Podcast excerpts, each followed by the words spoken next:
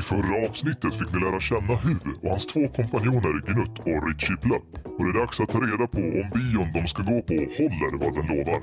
Förra svängen, de här mipsarna som ungdomarna stod och tuggade på utanför, var, hade du någon sån? Det, var, det vi etablerade aldrig om du hade någon mips. Nej, det gjorde vi aldrig. Ni, ni kom dit med en, eh, vad heter det, raggarsnutt här för mig va? Ja, det, ja, det gjorde vi. Det var ja. exakt det. jag. Och sen så kan det vara på väg att hända en incident med en, med en kvinnlig karaktär här i mötesgruppen, men det vet vi inte helt säkert. Vi, vi antieskalerade det, för Det, mig. det, det, var en, eh, det var en hallucination. Just det, så var det. Det var, en, det Det var, en, en hallucination i brist på bättre motivation. exakt. Det var, Cheers. det var brist i mental motorik, kan man säga. Så Det borde vi använda oftare som ett generellt uttryck för när det går lite snett på jobbet. En brist i mental motorik. Jag hade inte förmågan att examinera min egen förmåga. Ah, ja. I vilket fall som helst. Ehm, jag ska bara försöka fatta en bäring. Alltså, vi får tillbakablick för er som då inte har kanske hört förra avsnittet. Så att våran huvudkaraktär här, Hu Hoa Harkel, befinner sig just nu i en biosalongs entréhall tillsammans med sin gnympling Richie Plupp, som då är en sentient materia som lever i symbios med hans ryggsäck, helt naturligt som vi vet. Och även Mölmag Mjölkfen Gnutt, en stor, lite slash-liknande, eh, hårig människovarelse. Eh, de brukar vara samhällets rikaste eh, översittare, men han är rikaste översittande, men rikaste väsendet i det här samhället. De lever lite vid sidan av. Um, men det råkar vara så att just Gnutt då på något sätt ändå har hunnit, eh, jag vet inte fasen exakt, vad premi- ni, ni träffades under premissen att ni två hade hamnat på ett flak och du trodde att han var hö, var det inte så? Ja, Hela er vad, relation. vad, vad, var- vad var premissen bakom det? Var det något, paus från arbete?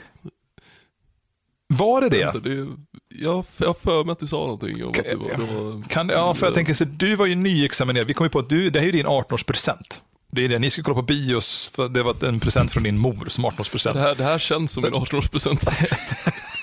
Fan, är det...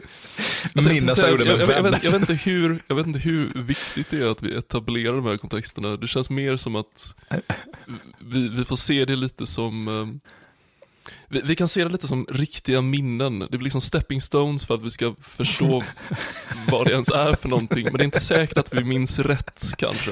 Nej, precis. Vi kanske är ungefär den här nivån vi ska ligga på. Att vi försöker komma ihåg vad det var vi sa sist. Och det vi tror att vi kommer ihåg, Det är det vi jobbar ifrån. kör vi på. Ja, men jag, jag tror nästan det. Det finns så många andra, det finns så många andra poddar där ute som gör ett fantastiskt jobb med att etablera en, en callback, lite en sån free session recap innan. Jag känner att det är det här som är vår recap. Beroende på vilken dagsform vi är i så kan ni förvänta er en mer helhetlig eller okopplad recall på vad som har hänt precis. Så det är helt sannolikt att ni kommer få ett helt annat avsnitt återberättat.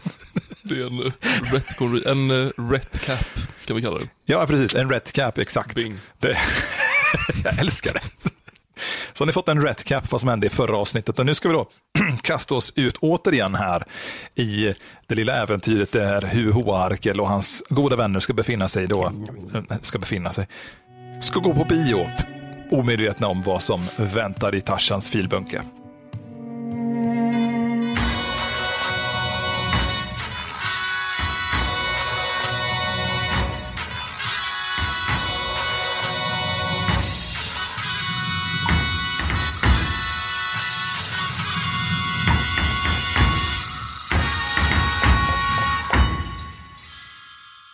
Ni hade då, precis nu var i entrén och sen så tattade pluppen och de.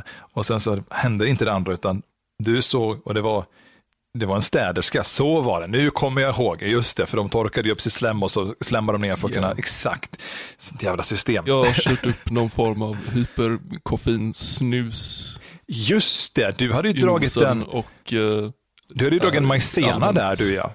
Precis, du hade ju skaffat på dig en majsena och sen så hade ni något annat snacks. Nej, vad var det?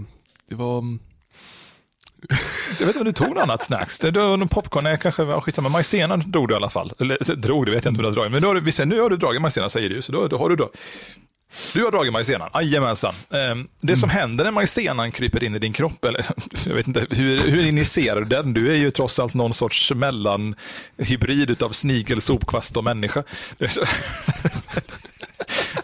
Hur...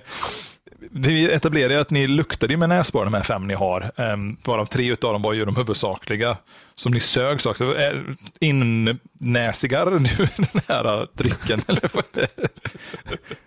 jag tänkte skulle ge dig lite makt här i början innan jag tar över.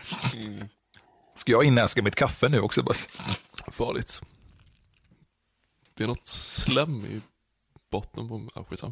Säger Hu, hon tittar på Gnutt som också har passat på att införskaffa en majsena. Gnutt har redan svept sin. Och du ser hur, hur Gnutts armhår, oj, hur Gnutts armhår reser sig, liksom erektionen på en tonåring som precis upptäckt sin egen kropp. Och-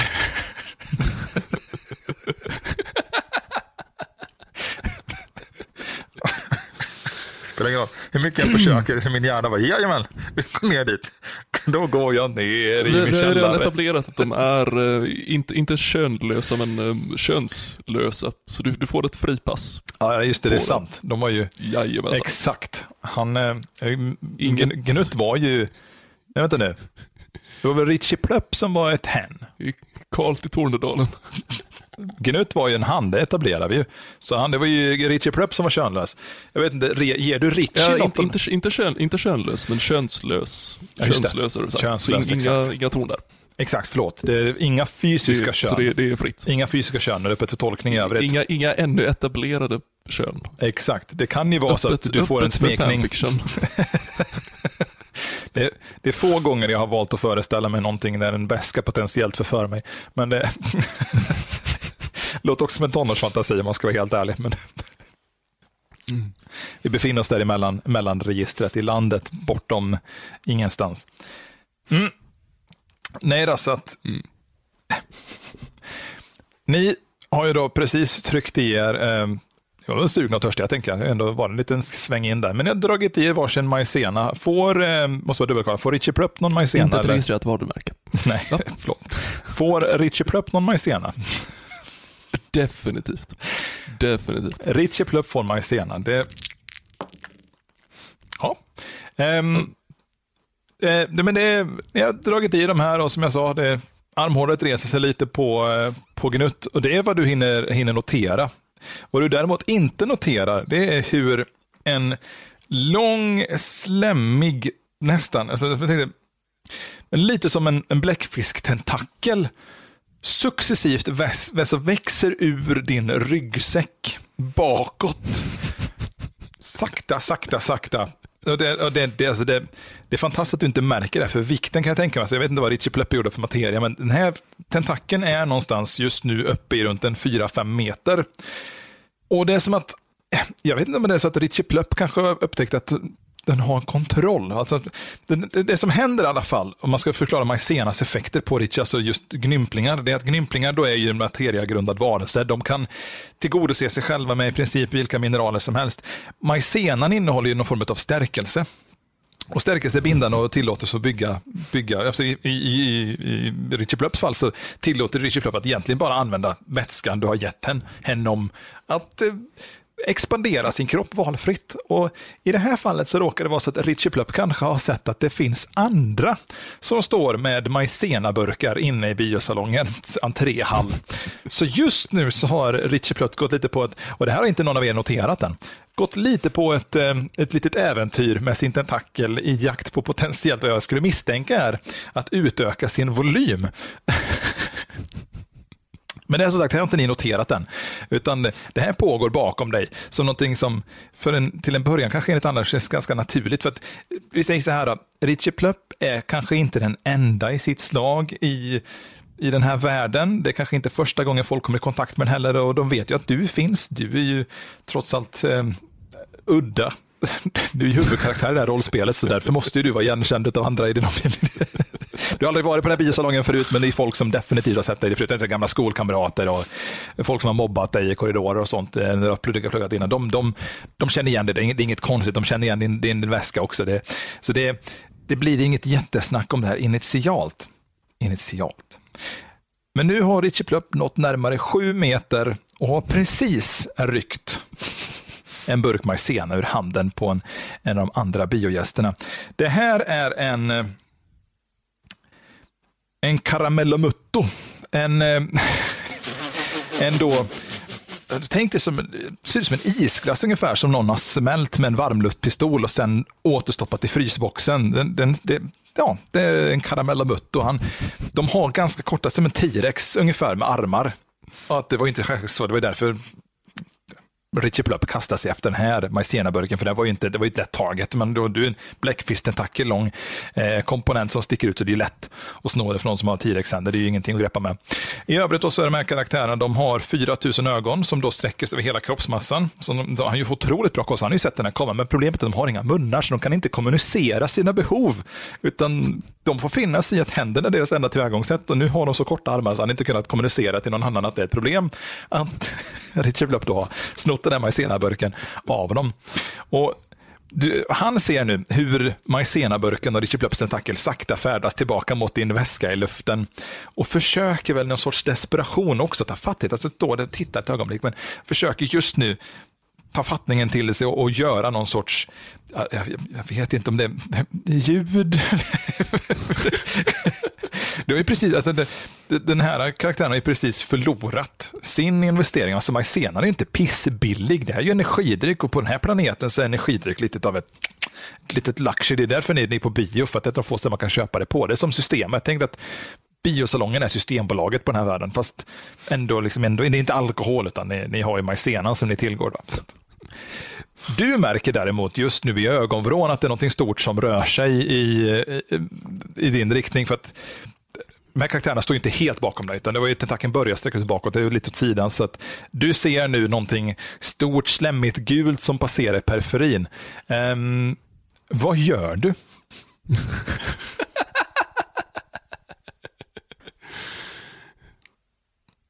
Jag är en snigelfotad kvastman. Det är stort och slemmigt som passerar i periferin och du frågar vad jag gör. Det här stora slemmiga gula är någonting som du inte eh, har sett förut. Det är någonting nytt för dina... Det, du har nog aldrig sett eh, eh Plöpp förtära majsena förut. Jag befinner mig på en plats just nu där allting är nytt. Allting ja, är väldigt nytt. Ja, yes. Så vad är course of action? Är det bara, ah, ja. säga, vad, vad, vill du att jag ska säga? Jag sitter alltså just nu halvt uttjackad på energibläst i väntan på en biofilm. Det är något stort slemmigt bland alla andra stora konstiga saker runt omkring mig. Vill, vill du att jag ska attackera den oprovocerat? är det det du försöker liksom goda mig till här? Uh, nej, alltså jag är bara nyfiken på om det är så att du själv känner spontant att du att du eh, vill reagera på det här? Eller förliknar, nej, nej, nej. Som karaktär, nej, förliknar du bara med att det här är någonting som händer i miljön? Ja, ja, för fasken. Okay. Det är en, en sak av många runt omkring mig. Mm. Vad bra. Eh, så det är, den här gula stora tentakeln nu med en, med en till burk majsena rör sig mot en ryggsäck och den, den kollapsar väl liksom i din ryggsäck, men i och med att volymen på tentakeln är större än vad din ryggsäck var från början så sväller din ryggsäck. Men det har ju du kanske liksom inte återigen lagt märke till för Richie Plub. Du har inte lagt märke till att tentakeln rör sig första början och att du ens har kunnat stått stabilt. Det måste vara hyfsat lätt materia, tror jag. Ehm, men Richie Plupp expanderar och drar ner tentakeln och med ett glurf så försvinner även MRC-burken ner i hålet i toppen på din ryggsäck.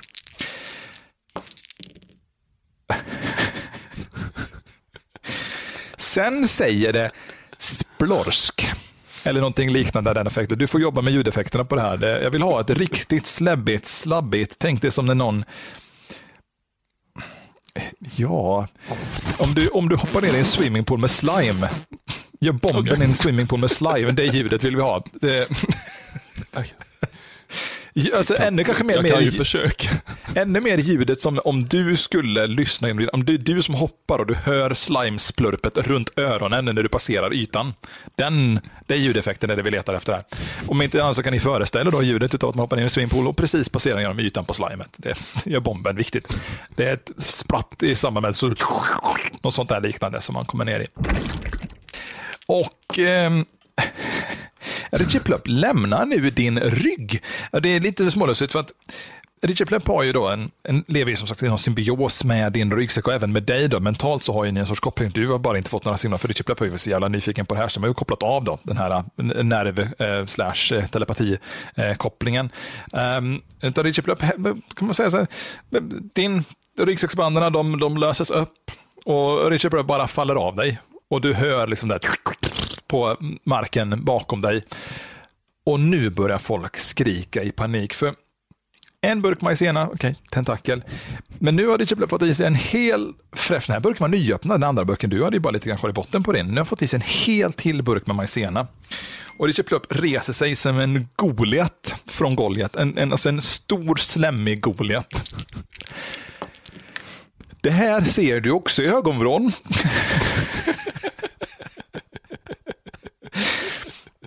Om vi säger så här, om det gula som slämmade förbi ögat precis nyss inte var påtagligt, att det delvis har slaskat till. Att din ryggsäck har lämnat din rygg och att det står eller reser sig någonting med en otroligt stor skugga. Sen är det ju så att Richard är ju lätt genomskinlig också, så det är någon sorts gulsörjig, skuggan är inte sörjig, men du kan ju föreställa dig liksom vad som händer när ljuset bryter genom en sörjig materia. Ehm, en skugga som reser sig över er samtidigt som folk skriker i, i panik, eller ja, de som kan skrika. Ehm, jag har ju etablerat det finns de som inte har den möjligheten heller. Ögonen ploppar ut, 40 ögon ploppar ur den här karaktären. Var det alla ögon förresten? Hade han bara 40 ögon? Jag kanske var. Ah, ja, då är han blind. det är sånt som händer. Men det är ingen fara, de, de, de här ögonen de kan koppla tillbaka. Det är inte Richie Plöps ögon, utan den andra karaktären som jag har glömt bort namnet på. Um, Du ska nu få ett val. Nej, det ska du inte alls. Du, du, du får inte något val alls. Du, du, du har, ja, det får du väl visst. Du har fri, fri jag, vill, nu, hmm, jag vill etablera om du känner att det nu går en liten kli i bakhuvudet på att det är dags, eller om man ska interagera med den här situationen som håller på att eskalera bakom er eller inte. Som sagt, det är en stor skugga som reser sig. Snälla, rulla på det. jag rullar på om du reagerar. Vi kollar här. Um, för jag tänker väl att, eh, koll, jag har ju etablerat att du har sett, åtminstone sett i ögonvrån. Eh, kanske du ska rolla vett för se här. Har du vett att ingripa? Holy fuck. Det, det här, okej, okay, ja det, det här, Se, oddsen för att du skulle skita i det återigen var markanta. Du är inte så, det är inte som att du gör någon sån här hyperengagerad wow, utan du vänder dig lite små obrytt och konstaterar att Richie Plupp nu sträcker sig sju meter hög bakom dig som ett stort slemmigt sörpelmonster. Du kan inte riktigt etablera om det finns några, några kroppsliga detaljer eller om några, några ögon eller mun och sånt, utan det, allt du ser det är bara den här stora sörpliga massan. Det är inget ljud, det är liksom det här Tänk dig liksom, eh, som honung låter i spel. En passiv honungsambiens. Lite den typen av ljudeffekter du har omkring dig i den här salongen. Och där står han, Richie Plupp. Han, har inte, alltså, han har ju precis fått tag i det han vill ha. Jag kan inte... Ja, yes, du har vänt dig om. Du tittar nu på Richie Plupp. Känner att det, det nu är någonting som kliar. eller, försöker, eller försöker du fortfarande skapa en situationsbild? In, inte direkt, inte direkt. Det, det tar nog ett par sekunder av, av stum, stum förundran. Ah. Liksom höra ljudligt hur eh, det klickar bakom näsborrarna ni sänder. ja, det, mycket riktigt. Du, du konstaterar att kan, det här... Kan, jag se, kan jag se ryggsäcken? På, finns det någonting kvar av den? Ja, sitter, alltså, sitter man fortfarande fast i den? Är, är det liksom en inte fast. som, som sticker ut ur en uh, löst hängande ryggsäck? Du, du, du, ser mycket riktigt att det är Richie Plupp, för det är liksom dina skolpennor och skolböcker finns liksom flytande i den här blurb-materian liksom på olika destinationer. Så det är någonting som är på väg ut, vad som var en hand och din, det, ditt skolblock hänger liksom, vad man skulle kunna tänka är någonstans mitt i till bröstkorg. Så det, alltså det, det är ändå en hyfsat mänsklig form Richie Plupp har etablerat. Återigen, för han är ju jag vill ha en sorts, någon hommage. Vänta, jag ska Ja, det, Richie Plupp har valt att försöka återskapa formen av Gnutt bara för att provocera. Det är det som har hänt här. Gnutt fick resning på håret, Richie Plupp vill inte vara sämre och har precis fått tag i möjligheten till att etablera en större alltså en dominans rent fysiskt och har gjort det. Det är det som har hänt där i bakgrunden. Kan, kan jag se skillnad på dem nu? Nej, du ser inte någon skillnad alls på dem faktiskt. De är lika jag, som jag, dag och jag, natt. jag, jag såg i alla fall, jag såg i alla fall eh, det inträffa den här, eh, Du konstaterade att det var Richie Plupp, men sen tittade du på Gnutt och nu är du osäker på vem som är vem. Även om en är sju meter och en är precis strax ovanför människohöjd så är det väldigt svårt att identifiera vem som är vem utav dem i det här läget. Jag ska säga att det är så illa så att även om du hade vetat med säkerhet så hade du tvivlat just nu. Så, så osäker är du på vem det är som är vem utav dem.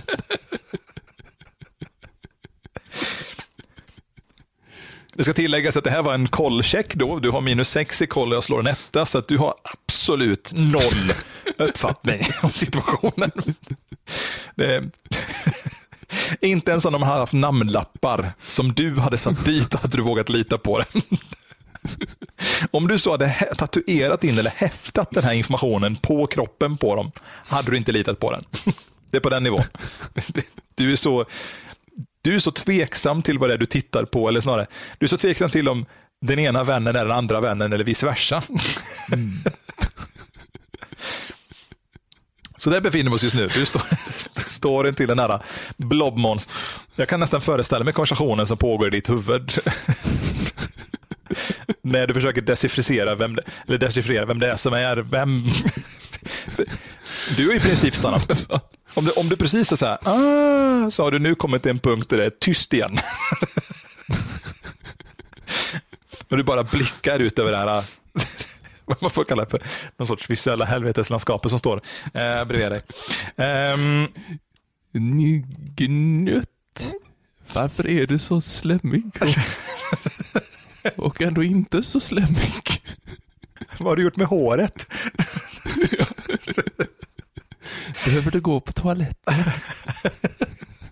Varför har du min Är det bok? så här du går på toaletten? Nej. Vet du vad? Ja, det stämmer. Det är precis, det är precis så du utforskar situationen. Du, du, du tvivlar på allt just nu. Det är ingenting som... Det är som att hela din verklighet i ett ögonblick har flippats på sin rätsida. Fan Gnutt, filmen börjar snart. Kunde du inte hålla dig? Jag måste fråga, vad... Jag, jag ser mig omkring och försöker, försöker hitta om det, om det är skyltat någonstans att det finns en toalett. Ja, men det... Du ser vad du tror är en toalettskylt. All right. Vill du utforska den? Alltså, det, det behövs inte. Jag, jag, jag ju- vet. just nu i förhållande till det du ser så är det här mer, det är mer rimligt att den skylten är en toalettskylt än att det som står framför dig är någon av dina vänner eller vice versa. Så är det, så är din jag, jag, jag, jag vet, jag vet. Jag vet hur en jävla toalettskylt ser ut för fasiken. Jag tänker... Ja, men det gör du. Du är helt, fan, det är absolut, det har sett. Kom nu, vi får plocka upp, vi, vi plockar upp det här nu så kom nu, kan, kan, går det kan, kan ta tag i? Ja, ja, de, det är en av dina bästa polare. Alltså, de är ju där på samma lugna, chilla premisser som du. Alltså att, att, Jag, eh, jag tänker den, den ena är ju någon form av sl, slemmigt uh, honungsgojs och den andra har just nu uh, piggsvinsräckta hår eh, över hela kroppen. Så jag undrar, Ja. re- rent fysiskt kan, kan jag liksom faktiskt ta tag i? Äh, Nej, men du behöver inte ta tag i jag- Det, här, det, det räcker med en uppmaning. Det, du, du börjar gå mot toaletten och säger att nej, men, någonting i stil med att ja, men det, det får vi ta reda på. De, de följer med som de... Jag har en känsla av att de här två kanske inte har så jävla hög IQ. Vill du att jag tar reda på det? Jag har inte etablerat... Inte, det- jo, det- förlåt. det vi att- vet ju att Richie Plupp ändå är hyperintelligent, men vi vet inte hur Gnutt ligger till på den här skalan än. Nej, nej jag, jag tänkte säga det. det jo, det, det gör vi nog faktiskt. Med, med tanke på att vi inte har fått en enda reaktion så talar det ändå för att någonting är jävligt fel, vare sig det är intelligens eller eh, allergisk reaktion. Ja, um, Gnutt blev tappad ett par gånger som barn kan vi säga. Det. Och när jag säger ett par så var det nog majoriteten av alla tillfällen någon lyfte honom så tappades han. All right, all right. Så det, det är inte bara dialektalt så att säga. Det är liksom... Jag tänker säga orsaken till varför någon från övre samhällskastet umgås med er måste väl ändå på något sätt kunna liksom... Han, han, han eh, Gnutt biter nu på sin burk. Han utforskar mate- han, han grymtar lite lätt under, under håret. Jag tror att i det här ögonblicket så, så börjar du också få en bild av att okay, det kanske är Gnutt som är Gnutt. och Richie Plupp som är Richie Plupp. Ehm, för du, du har också visserligen möjligheten att ta kontakter med rent Jag telepatiskt. Är tänkte säga bara- det. Var, var, är, var är Richie någonstans? Richie, var är ryggsäcken? Det- Eh, I samma stund som du tänker den tanken så, så känner du hur ditt, eh, ditt sinne bara förflyttar. Du kan, du kan se någonting som var typ ett par ögon sju meter högre upp ser. Och du, du ser folk som skriker och springer i panik och skingrar sig längs lokalens väggar. Samtidigt som, eh, som det på något sätt, det är så här, en mindre röst. Som lite så. Det, Eh, det var jag som med eh, glansiga ögon bara imiterade det som jag hör i mitt huvud. Precis, du, du står bredvid som... Och, vänta. Nej, okej, så är Lite, lite dregel som läcker från en eh, näsborre. jag... Hade jag rullat högre, säga, jag, gjorde en lite smårolig här precis. Hade jag rullat högre så hade det mycket väl så att då hade du upplevt Richie Plöpp och tagit kontrollen över Richie Plöpps gigantiska kroppsform just nu. Och, Och tack och lov, du, du kan inte bara säga att jag hade upplevt Richie Plupp i det här scenariot. Fan, Nej, men det som Satsa händer nu, det är att precis som du säger står du och dreglar, för Richie Plöpp tar över dig, men typ på grund av den otroliga mängd energi som jag förmodar att majsenan plus Andrean på något sätt har visat. Richie Plöpp har nu ett mentalt övertag och styr din kropp. Så att du står och blöddrar, det är Richie Plupp som försöker kommunicera med människorna omkring och på något sätt jämka dem med att men det, var då, det, då, det är ingen fara, det är, ju- det är min kompis. Kan du ge ett smakprov på hur exakt det låter när Richie Plupp använder dig som ett kommunikationsmedel?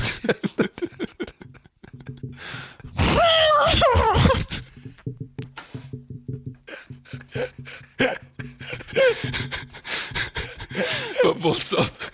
Helt, helt, helt stilla ansiktsdrag kan liksom gälla som en svulten jävla hund. Liksom väldigt... Mm. Bilden zoomar ut. Vi ser hur en, en hyfsat eh, ungdomlig kakanusch sakta sniglar sig fram längs mitten av den här biosalongsentrén, tätt följt av en hårig mörmagmjörpf som tuggar på en burk och en sju meter hög gigantisk slem slem slash geggamoja Goliat. Och yttrar nästintill otolkningsbara ljud. Vinkar lite med handen så här nonchalant, precis som att... Ja, det, precis, det, det blir den här konstiga som det bara knäcker i lederna. För Richie Plupp har ju liksom inte som helst uppfattning om hur din kropp fungerar. Det är liksom, han har ju aldrig tidigare fått chansen att ta över dig som materia. Utan det är bara just i det här ögonblicket som Richie Plupp för ett ögonblick får förnimma hur det är att styra en fungerande kropp kan man väl kalla det på sätt och vis. För liksom en kropp av kött och blod, I suppose, att det är det vi är ute efter här. Um, och folk ser det här och och som sagt, det är, det är en ganska, ganska bisarr scen, men det, det ser ju inte så sjuk ut egentligen, utan det, det är som liksom tre vännerna och Jerry på väg fram genom en bil. Så, Typ lite man kan höra liksom gingen. Nej, det kan man inte. Men, Ehm, En, eh, en tillräckligt ändrad variation av jingeln. ja, men precis. Ehm, nej, men det är situationen som... Fan. Jävla situation. Okej, vad händer då? då? Ehm, tre våningar upp Eh, så det, det, är som en, det är en ganska hög entréhall. Så det, som jag pratade om utanför, det är, liksom det, det är glas som hänger som ett stort valv. Och sen så, när man kommer in så är det faktiskt, som man tänker som våningsplan längs med sidorna. Och det ligger liksom eh, kontor och allt möjligt här. Så det är, liksom inte, det är inte bara en biosalong, utan det är väl även någon sorts stadsläggningskontor gissningsvis också. Det är därför de har valt att lägga så mycket energi och tid och fokus på det. Ehm, på våning eh, tre, yes, ehm, så sitter biosalongsdirektören en väldigt bastant, eh, vänta, en mindre bastant man. ja, det är en man. Eh, en mindre bastant manlig karaktär. Eh, också en, eh, en kakanusch. Så det är ju, återigen, det är de som styr systemet. Eh, men ändå lite, lite sutten. Alltså, föreställ dig att det är på den här golvmopspinnen så är det en lite större kropp.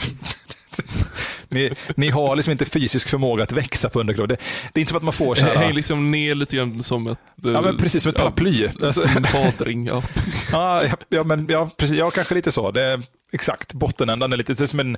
Han ser ut som en, en mörkla. typ.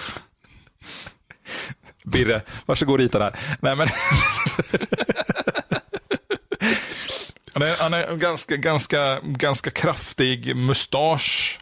Um, som, alltså det, det, här är ju någon som, återigen, han, han var med och grundade biosalongen, så att han, han har ju ordat sin ansiktsbehåll, men det är väldigt specifikt att det ska vara just mustasch. Så han har en mustasch som sticker ut en halv meter i respektive sidons stor, vacker, nästintill, vad kan det vara, 8-9 varv snirklad spiral på respektive de här sidorna. Vilken näsa dekorerar den här mustaschen? Eh, nej, men den löper faktiskt under alla och växer också ihop med mm. ögonbrynen. Så det är som att det är en mustasch som går från pannan och ner runt ögonbrynen och sen så är det ett hål runt liksom, ögon och näsan. och där. Och sen så går det på sidan. Det är, väldigt, vet, det är väldigt lustigt hur ansiktsbehåring fungerar i er kultur, men så är det. Så, så, så ser den ut. Det, det, är som en ögonbrynen och ansiktsbehåring växer samman kan man säga. Det är typ så det ser ut. Det är lite som en eh, sån här cyklopmask de hade förr när man åkte motorcykel.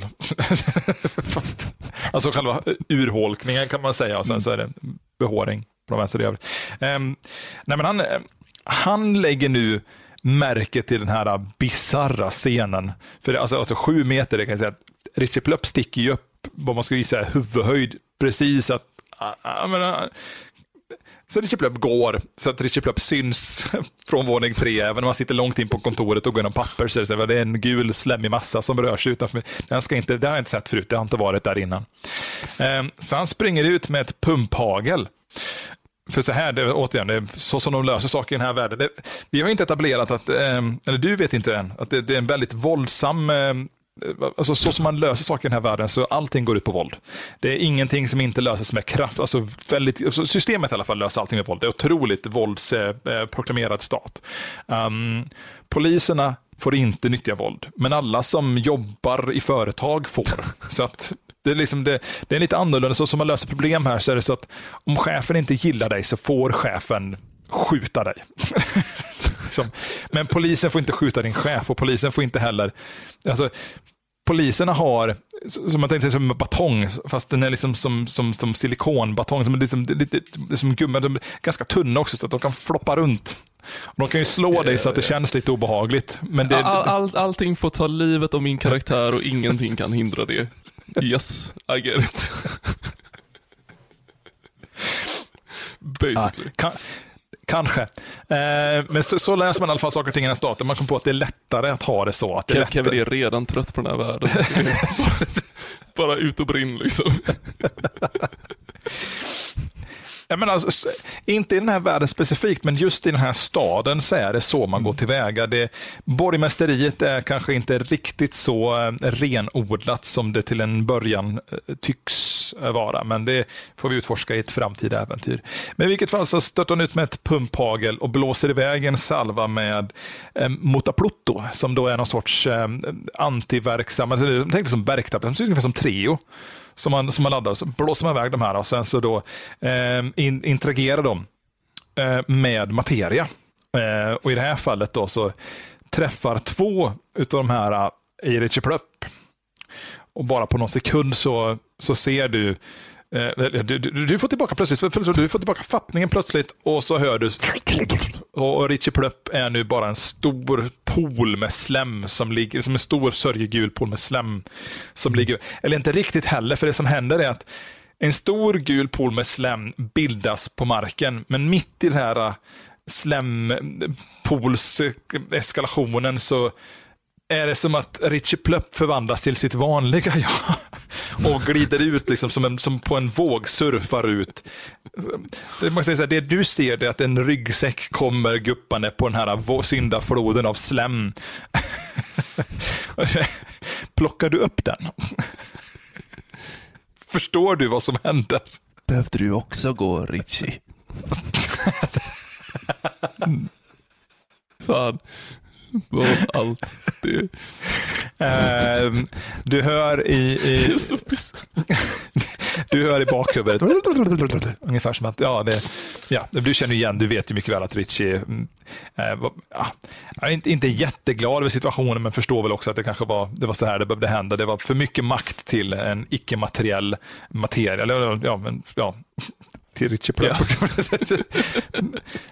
Ja. Plupp fick för ett ögonblick lite smaka på makt. Um, um, och, och, har väl på något sätt förliknat sig med att det, okay, det, det var inte meningen. Det är lite som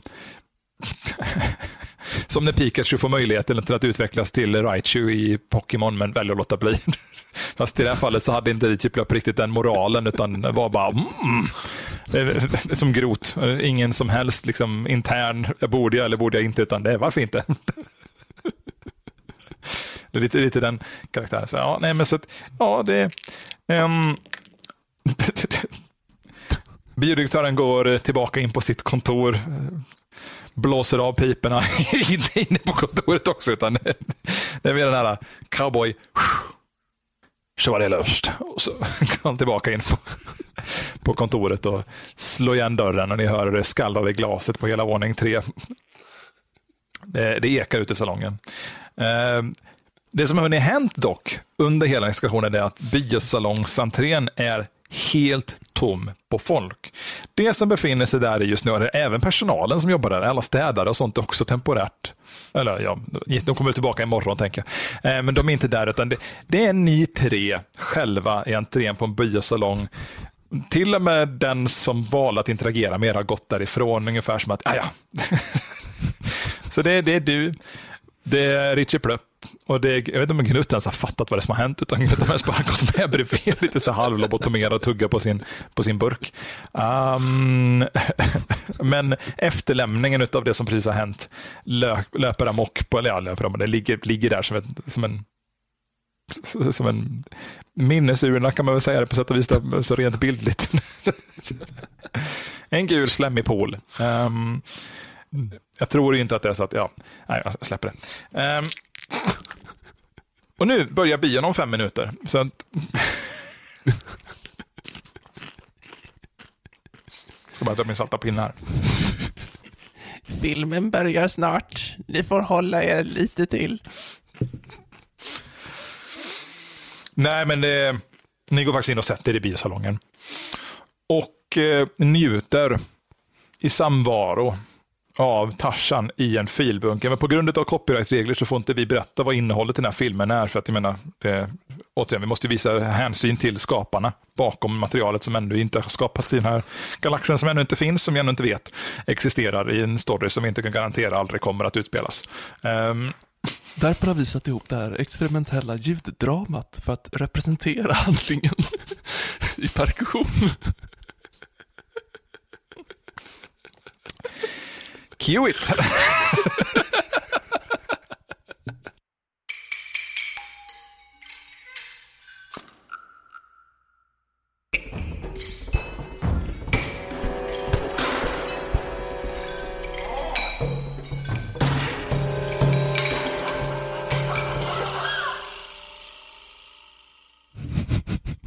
Mm. Filmen då som är en, eh, en kvart har precis rullat av duken.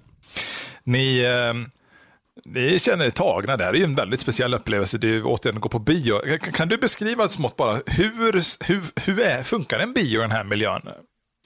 Alltså, är det som, som vi upplever bio på jorden? Eller så, vad, vad är en bioupplevelse egentligen på Kakakanush?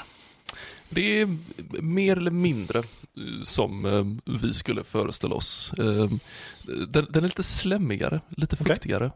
Du, du, du får lite, lite gojs i eh, ögonvrån efteråt. Det, det är som, eh, för, föreställ ett eh, projicering på en duk. Men, men det är en, en slemmig projicering.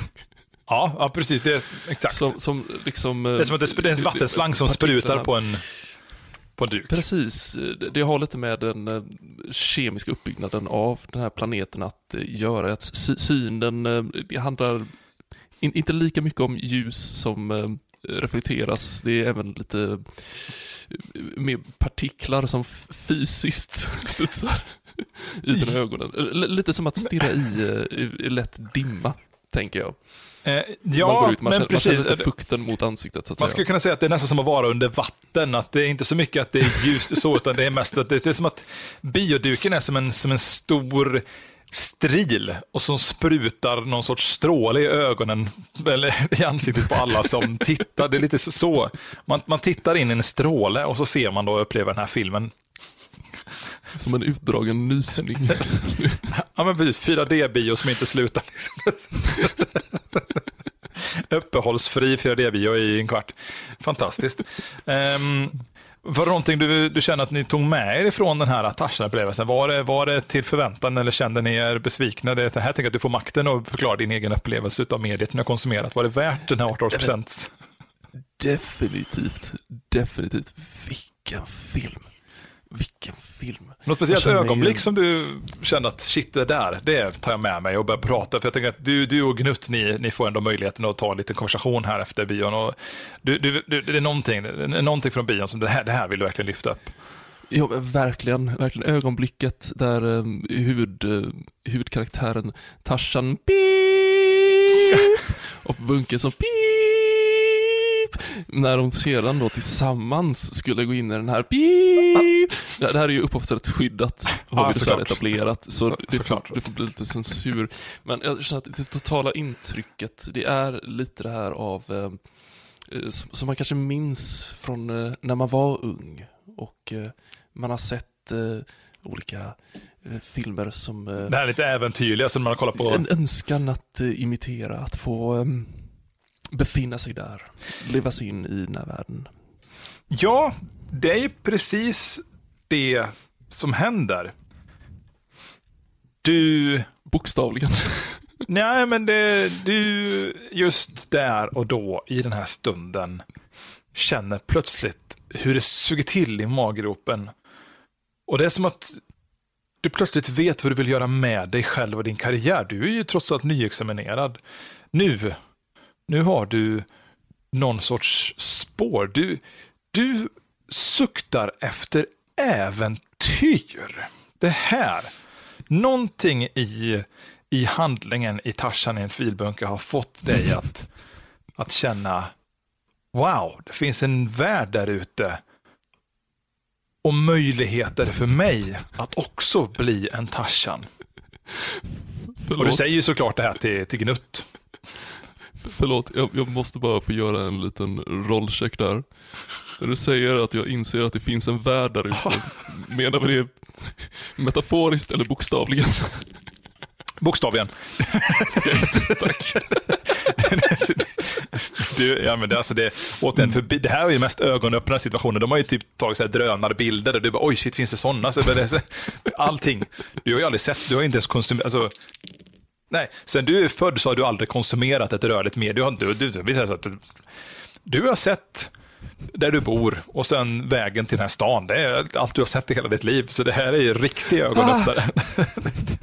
Nej, men det, om du säger att det var upplevelsen av spänningen och förväntan och, och äventyr. Alltså det, det, det är på en nivå som kan förliknas med ett barn som upptäcker att de kan gå. Det är på den det, det är en sån kraftig influens som tar över din själ och din, din sinnesnärvaro just nu. Och som jag sa, du, du försöker på något sätt förmedla det här till Gnutt, men det är som att tungan inte riktigt, eller ja, tungan, eller tungan, jag vet inte hur många tungor ni har, men det är som att det inte riktigt eh, går att få ur sig ord. Sen alltså, vet inte jag om Gnutt är mottaglig för din kommunikation i alla fall. Men um, så är det i alla fall. Du, det är en häpnadsväckande upplevelse. Eh, och med den häpnadsväckande upplevelsen så rör ner ut ur biosalongen. Nu när ni kommer ut i entrén så ehm, är det återigen massa folk där och ni, ni ser hur eh, en annan eh, kakanush passerar tillbaka, fullklädd i städmundering, passerar över och tar reda på det sista av slasket som är kvarlämnat då sen Richie Plupp växte och blev en, en enorm Goliat av slem här inne bara för en kvart sedan. Det går inte jävligt fort, de är ju skickligt. Alltså, tänk dig själv om man ska göra ett saneringsarbete efter en sån incident. Det är ju liksom, men en, en kvart. Det, ni har precis varit inne och du har fått världen uppspeglad för dig. Och, så är det i alla fall, så att de har tagit reda på det och det verkar som att saker och ting flyter på som det brukar. Men det är lite det som är den här världen, som jag sa de använder våld i den här stan, man skjuter medarbetare och sen så går man vidare med livet och sen så är det som att det inte har hänt någonting dagen efter. Man, vi ska säga så här, man dödar ingen, det är det som är väldigt viktigt att poängtera. Man skjuter medarbetarna, men man skjuter dem med de här tabletterna och tabletterna är egentligen bara till för att man ska säga avdramatisera. Det är lite det som är, det som hände med Gnutt eller förlåt, inte med Gnutt, men Richie Plupp, det var ju det att Richie Plupp som materia upplöstes i stunden och Richie Plupp återgick till sig själv. Richie Plupp åter, återfick sig själv. Om du, om du skjuter någon som är slö på lat på jobbet, så, så, så de, de skadas ju liksom inte mer än mentalt av de här skotten. Det är som att det, det, det kryper in i kroppen och påminner om vilka dåliga, oengagerade individer de är som jobbar lite hårdare. Fast dagen på, de behöver först gå hem och vara deprimerade och dricka lite kaffe och tycka synd om sig själva och dra en kvällsrunk och titta på en dålig film. Sen kommer de tillbaka dagen på och har liksom tillbaka energin. Så att det är liksom ingen, det är våld, men det är ingen våld som som leder till att någon passerar så, utan alla dör av ålder och naturliga orsaker i den här. Så, bara så att vi har etablerat det, är liksom inte, det är inte våld för vålds skull, utan det är våld för att våld är effektivt. för att våld är effektivt. Hör mig själv säga de orden, jag har ångest redan. Visdomsord. Vi ta det och klippa in det där innan så jag löser situationen. Det känns som att det är så jobbigt att en återspegling på hur man liksom räddar någonting som man har bränt filtret för innan. Um, Nej då. Mot alla odds, våld är effektivt. Mm. Det, det, kommer nog finnas en återkoppling till det längre framför. Men vem vad vet jag. Um, Fuck it, vi kör det nu. Jag grabbar tag i städaren. Jag stirrar dem djupt i ögonen och så säger jag det finns en värld där ute. En värld av äventyr. Den här städaren är faktiskt någon du känner igen. Det här är Ole från skolan. Ole då som... Eh,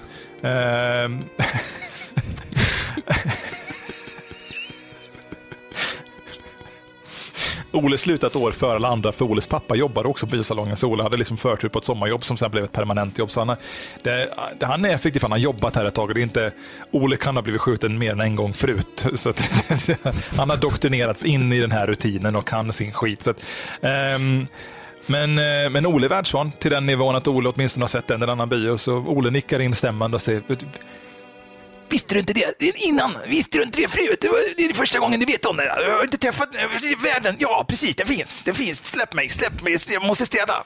Säger Olle. Knuffar bort det lite, lite irriterat.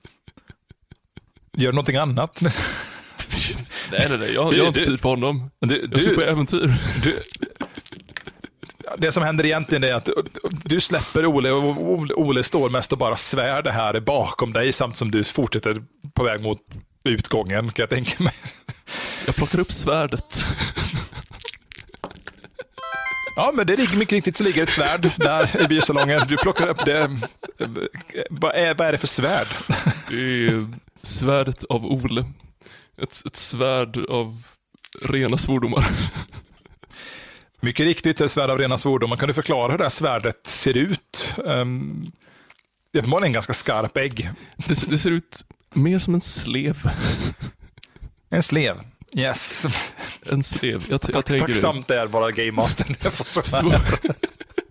Svordomar är någonting som man... Skedar ut. Ja. Skedar, okej. Okay. Ja, ja, okej. Okay. Mm. Nej, men det, det stämmer. Du har plockat upp eh, eh, s, eh, svärdet av Ole. Svordoms...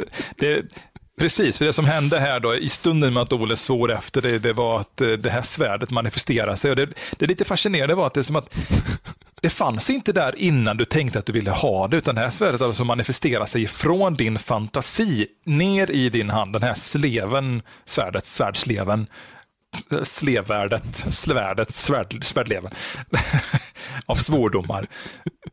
Ja, men det, det, bokstavligen, den manifesterade sig i din hand. Du plockade upp den ur luften kan man säga. Liksom, du, du föreställer att du plockade upp ett svärd och så nu har du ett svärd i handen. Och det är det här svordomssvärdet. Svordomssvärdet eh, inte överdrivet starkt, men det, det, det, som händer när man träffar någon med svordomssvärdet är att de, de försätts i en, en grav temporär, fyra sekunder ungefär lång intern monolog där de försöker slåss mot en temporär svordom som de själva skulle vilja frammana men har moral att låta bli. Så att då har du ett litet tubb. Det är inget vapen som är direkt dödligt utan det är mest ett konfrontativt initialvapen kan man tänka sig. Eh, Ett versalvapen. Det kan man, det kan man, precis. Exakt, det är, det är konversationsstartare. Um, um, det kanske inte är helt rimligt att man står och svänger med ett svärd så här spontant inne i en biosalongsentré dock. um, Men vill du att jag gör någon sorts check på huruvida du kan hantera det själv eller? Ingen fara, jag har koll. Jag har koll. Rich, Rich får ta hand om det. Ja, men det, du sträcker svärdet till Rich och du slår ju inte Rich. Du lyckas sträcka det hyfsat behändigt och Rich eh, suger ner den här svärdsskeden eh, i sig. För, för, för enkelhetens skull så tänker jag att vi, vi, kan, vi kan säga att det är ett svärd. Jag, jag, för, jag föreställer mig kanske att det är något lite mer... eh, Det är ganska om du lång- tänker la- Lacrosse kanske? Ja, men det, det kanske är som, ett, eh, som ett, ett, en sked med ett väldigt kort skedgrepp och en väldigt, väldigt lång skedskopa. väldigt vivid bild av hur det ser ut i alla fall. Ja. Svordomssvärd.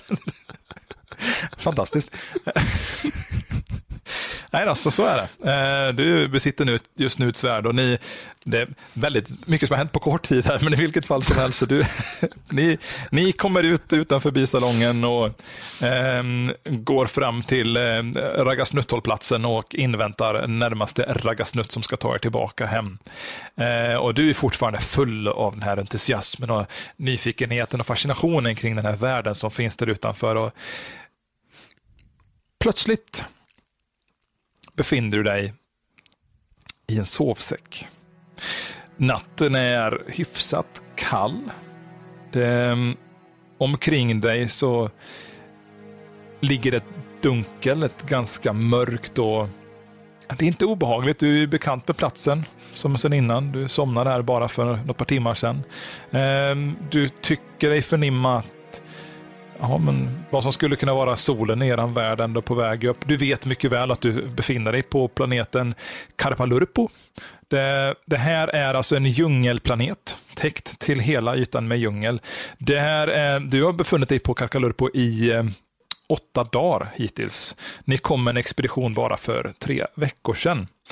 Du har ju sedan eh, din tid på Kakanush och de 40 år av äventyr sedan dess mycket erfarenhet i din ryggsäck. Du har eh, fortfarande din eh, närmaste kompanjon Richie Plupp, som eh, sedan årens gång har blivit uppgraderad avsevärt. Richie Plupp är nu alltså inte en väska, utan Richie Plupp är en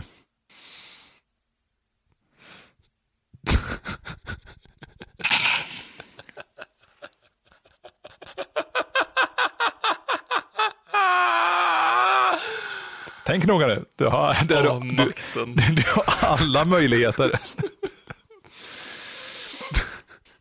Richie Plupp är numera en... Det enda rimliga jag kommer på är hjälmhatt eller en hjälm. Det är det enda som känns rimligt.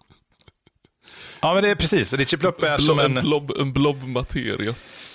Som har varit en ryggsäck.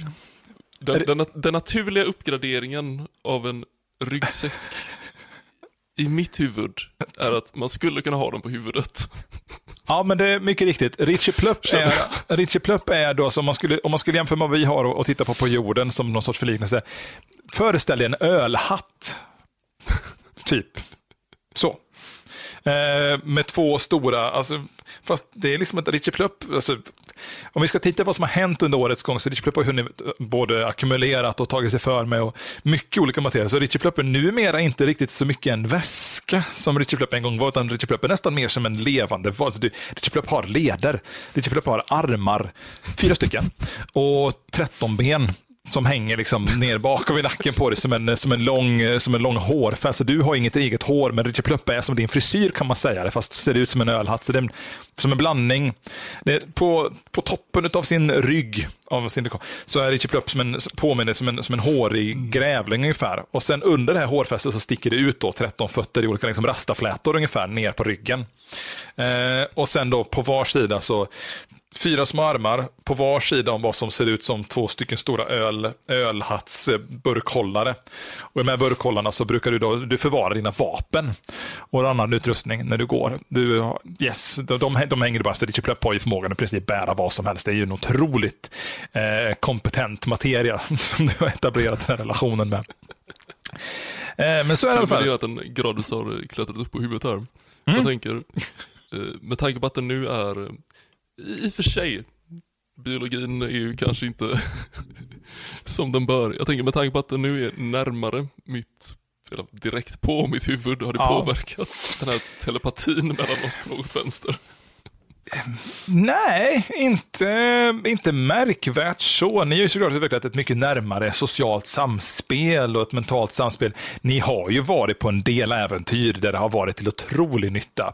Eh, bland annat när ni var på planeten Barbaburba, eh, där Richie Plupp fick för, um, um, ja, men där Richie Plupp räddade dig undan en otrolig eldkatastrof um, genom att mer eller mindre ta över din alltså, kropp fullständigt. Som att Alltså man kan säga att Richard Plupp smälte ihop med dig för ett ögonblick mm. och, och styrde dig ur situationen. För Richard Plupp har en helt annan typ av vad ska man säga, materisk dynamik och kan hantera otroliga temperaturer. Det är sånt som du upptäckt under årens gång. Alltså Richard Plupp är otroligt. Jag vet inte hur fan du lyckas komma i kontakt med Richard Plupp initialt, men Richard Plupp är i princip övermänsklig, men lever i symbios med dig. Um, så det är en av många incidenter där, där du har klarat dig med livhanken i behåll tack vare din, din uh, närvaron av din uh, ja, numera huvudbeklädd, din, huvud, ja, din huvudkaraktärskompanjon kan man kalla det. för, förlåt mig för det, det var en del som instinktivt genast rättade sig, men det var en, en liten millisekund där jag genuint tyckte att du sa älgkatastrof. Den, den ja, men det var det. Det var, kunnat... det, men det var en älgkatastrof. Eh, murmurälgarna då som är fyra meter höga och 13 centimeter breda. En väldigt speciell älgstam som lever på, eh, på den planeten som jag får klippa tillbaka namnet till. det är så när man hittar på allt det här i levande sekund så måste man förhålla sig till det i retrospekt. Hade det inte varit att vi ska vara så jäkla finurliga så är det kanske... Det är som det är med den här podden. Mm. Livet jag har satt mig i. Som sagt, eh, där befann vi oss på planeten Brun och... Eh, typ. Lite så. Ni kallar den i retrospekt för det, för älgarna var bruna. Eh, precis. Ja. Min eh, kusin 12 och eh, mm, Exakt. Nej, men det, precis. Han, men han räddade undan. En, det, det vart ju hett med. Det är så de här älgarna, vad heter det, de lever ju i... Älgarna brinner, så är det. De, så är det. Och de, de flyger runt där som, som pappersark. Eh, och hittar de någonting som de vill äta eller förtära då, så då samlas de runt den och bränner upp den och sen så kolen som då dunstrar upp i luften, den andas de in genom sina sporhål. Eh, eh, och så, yes. Så det, men du klarade dig, för du hade ju som sagt Richie Plupp med dig. Och Richie Plupp har ju, ni har ju varit oskiljaktiga. Det har aldrig hänt att Richie Plupp och du har förlorat varandra eh, någonsin. Eh, under några omständigheter. Richie Plupp är liksom mm, en, en del av dig. Det är så häftigt när man har den här mentala eh, bryggan mellan varandra. Att man, har, man, ser, man ser och har koll på varandra på de vänster. Um, så det, det är en fördel jag har haft. Men i vilket fall som helst då, så vaknade jag upp här på den här djungelplaneten. Um, och som sagt, det ser ut att vara på väg att bli morgon. Du känner eh, att eh, åren har inte varit rättvis emot dig. Din, eh, din pinne eh, ömmar lite. Hur ska jag annars sätta det där i ord? jag tänkte så här, okej. när- Vi, vi, vi, vi, måste, vi måste bara käpprätt igenom det. Det är inga, inga om och men där liksom. Ehm, nej men det eh, äh, pinnen lite, du känner att nacken är lite stel. Richie Plupp har ju liksom ändå etablerat en viss kroppsvikt med åren, men det som är häftigt med Richie Plupp är att också i och med att Richie Plupp har en materia som tillåter Richie Plupp, och det har ni tagit reda på, upptäckt längs årens gång, att kan, kan i princip påverka sin egen vikt dynamiskt för att anpassa sig till situationer. Så att när du bär runt på utrustning så märker inte du att utrustningen är med, utan den, eh, den svävas i princip ombord på dig med Richie Plupp som bär vikten men också inte väger speciellt mycket på dig. Det är som att Richie Plupp är något som mellanting till flytande och, slash flygande och sittande samtidigt. Väldigt olustigt. Eh, men du har aldrig utnyttjat Richie Plupp för att flyga för det gör inte Richie Plupp. Han har ju, hen har trots allt fortfarande inget, eh, inget identifierat kön och eh, ingen kroppslig intresse Eh, inget kroppsligt intresse i att eh, ge dig sådana fördelar. Det är, trots allt, det är en individ med en egen upplevelse av sig själv som också vill finnas som sig själv. Så är det. Så här, vaknade jag upp på den här djungelplaneten och sagt kroppen har inte varit, eh, rätt, åren har inte varit rättvis mot din kropp. Um, men ehm, du, eh, du är så pass vaken ändå att du, eh, du, du kvicknar till. Det är inte som att du kan falla tillbaka och sova, för det, det är någonting som har väckt dig. Någonting som har eh, stört din till synes trygga sömn. Återigen, Du brukar ju annars vakna med solen pigg som en liten sopkvast. Bildligt talat.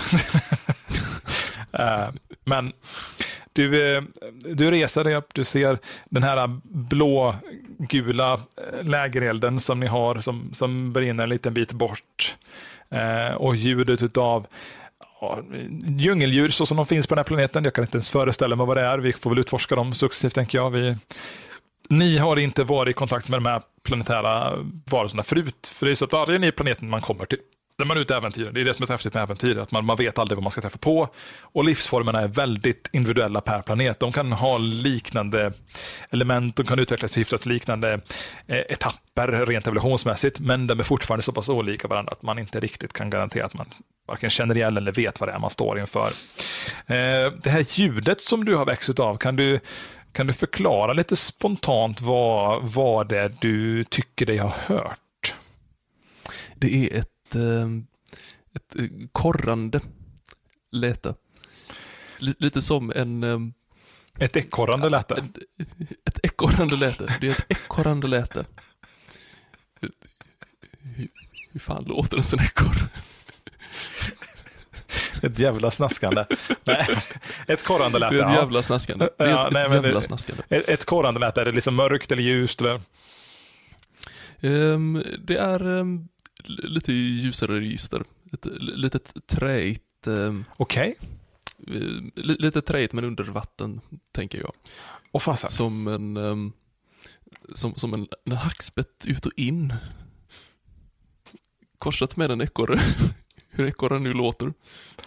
Ja, det, precis. Det låter som en ut och invänd hackspett och ekorre som korrar hyfsat högfrekvent. Inte, inte ljust, men det är liksom ett...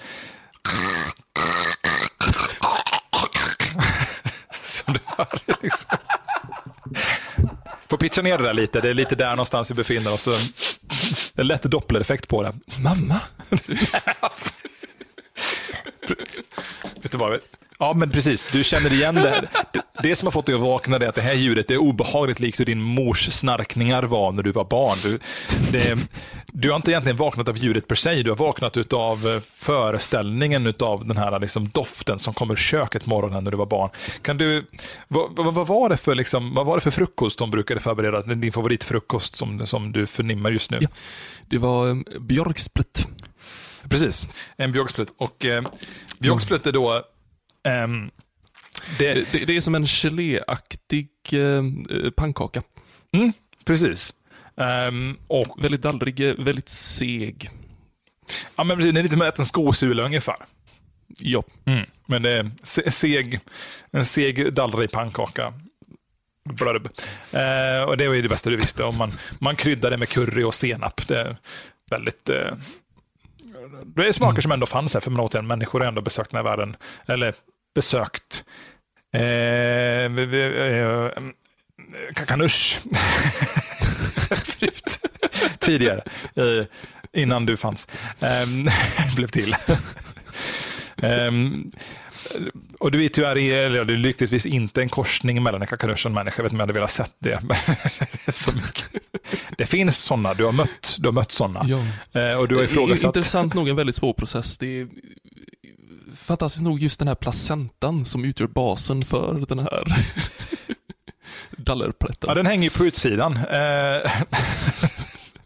Och sen så eh, människor som, som parar sig med kakanuscher, deras avkomma får åtta könsorgan så att det är, ehm, som också hänger på utsidan.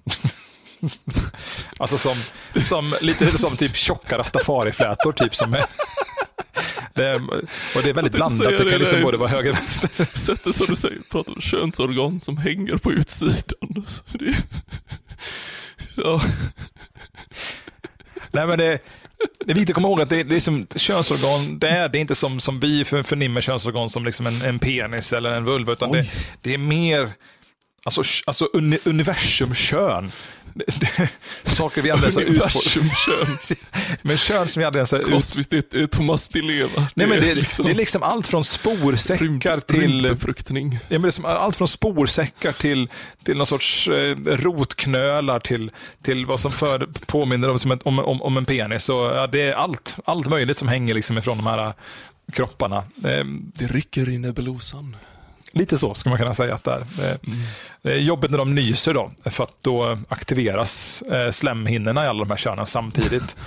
Och har man otur och nyser två gånger så brukar det vara så att man får en kraftig irritation i samma, liksom i alla könssystem samtidigt. Så Det, så man- är, man, man kan själv para sig, det är det som är så jobbigt för de bär ju de här, sina bebisar i huvudet. Eh, och det, det är väldigt, alltså, blir de förkylda så står de också inför en jättehärlig förlossning ett par månader senare. Och så är det roligt för de här barnen föds i olika, olika fart. Och de, de föder ju som inte bara liknande avkommor till sig själva, för det är det som är så häftigt. De, de föder faktiskt barn som ser ut som sig själva också och som har precis samma problem. Eh, som är hermafroditiskt släkte ungefär. Men de kan ju också föda Av, plantor. av barn. Ja, men de kan också föda plant, köttplantor. Eh, och liknande. Då, så att, Var det inte också så som vi upptäckte um, interstellär färd? Mm, precis, Mm. exakt. Eh, man kryper alltså upp i ett av könsorganen. På Förlåt. Interstellär färd sker genom att man äntrar ett av eh, hudområdena, eh, ja, för att vara mer korrekt. Då, eh, ett specifikt, det är så här, en gång var tusende år så föds det då en människo-kakanush-hybrid som har en portal, ett portalorgan. Det är alltså en galaxparningskomponent eh, eh, kan man säga. Det är, så att, det är som en mikrogalax som gömmer sig i. Ja, men som en mikrogalax som gömmer sig liksom i, i en utstickande hudslorp Ja. som man kan krypa upp i. Och så teleporteras man till ett annat solsystem någon annanstans och kommer ut precis, alltså man kommer ut ur en, en annan kakanush-människohybrid. Det är det som är så häftigt. Alltså man vet aldrig vart man hamnar, utan man, man teleporterar sig. Man klipper in och så teleporterar man, så kommer man ut någon annanstans. Så har man otur så är det samma kakanush, så man kan komma ut i sig själv. Det, det händer alltså att man, man kryper in i en portal och kommer ut ur samma portal in i sig själv, samtidigt som man kryper ut ur sig själv. Det, och det, det, det händer att folk dör på det sättet. Problemet är också att då dör ju även kakanushi människohybriden för att de, de får ju liksom någon sorts interstellär hyperfack i huvudet. Varför utforskar vi ens det här konceptet? Så vi måste ju kunna etablera begreppet um, slorpfart. ja, det är det ljudet som kommer efter det att man har genomfört en korrekt interstellar teleportering mellan de här kakanush-människohybriderna. Eh, du har inga kläder, så det är så att dina kläder de stannar ju Alltså, för att du ska kunna krypa upp, du kan inte ha friktioner för det, det är väldigt knepigt. Liksom, det, det, är ganska trångt. Det är som att försöka pressa sig fram i ett slemmigt avlopp.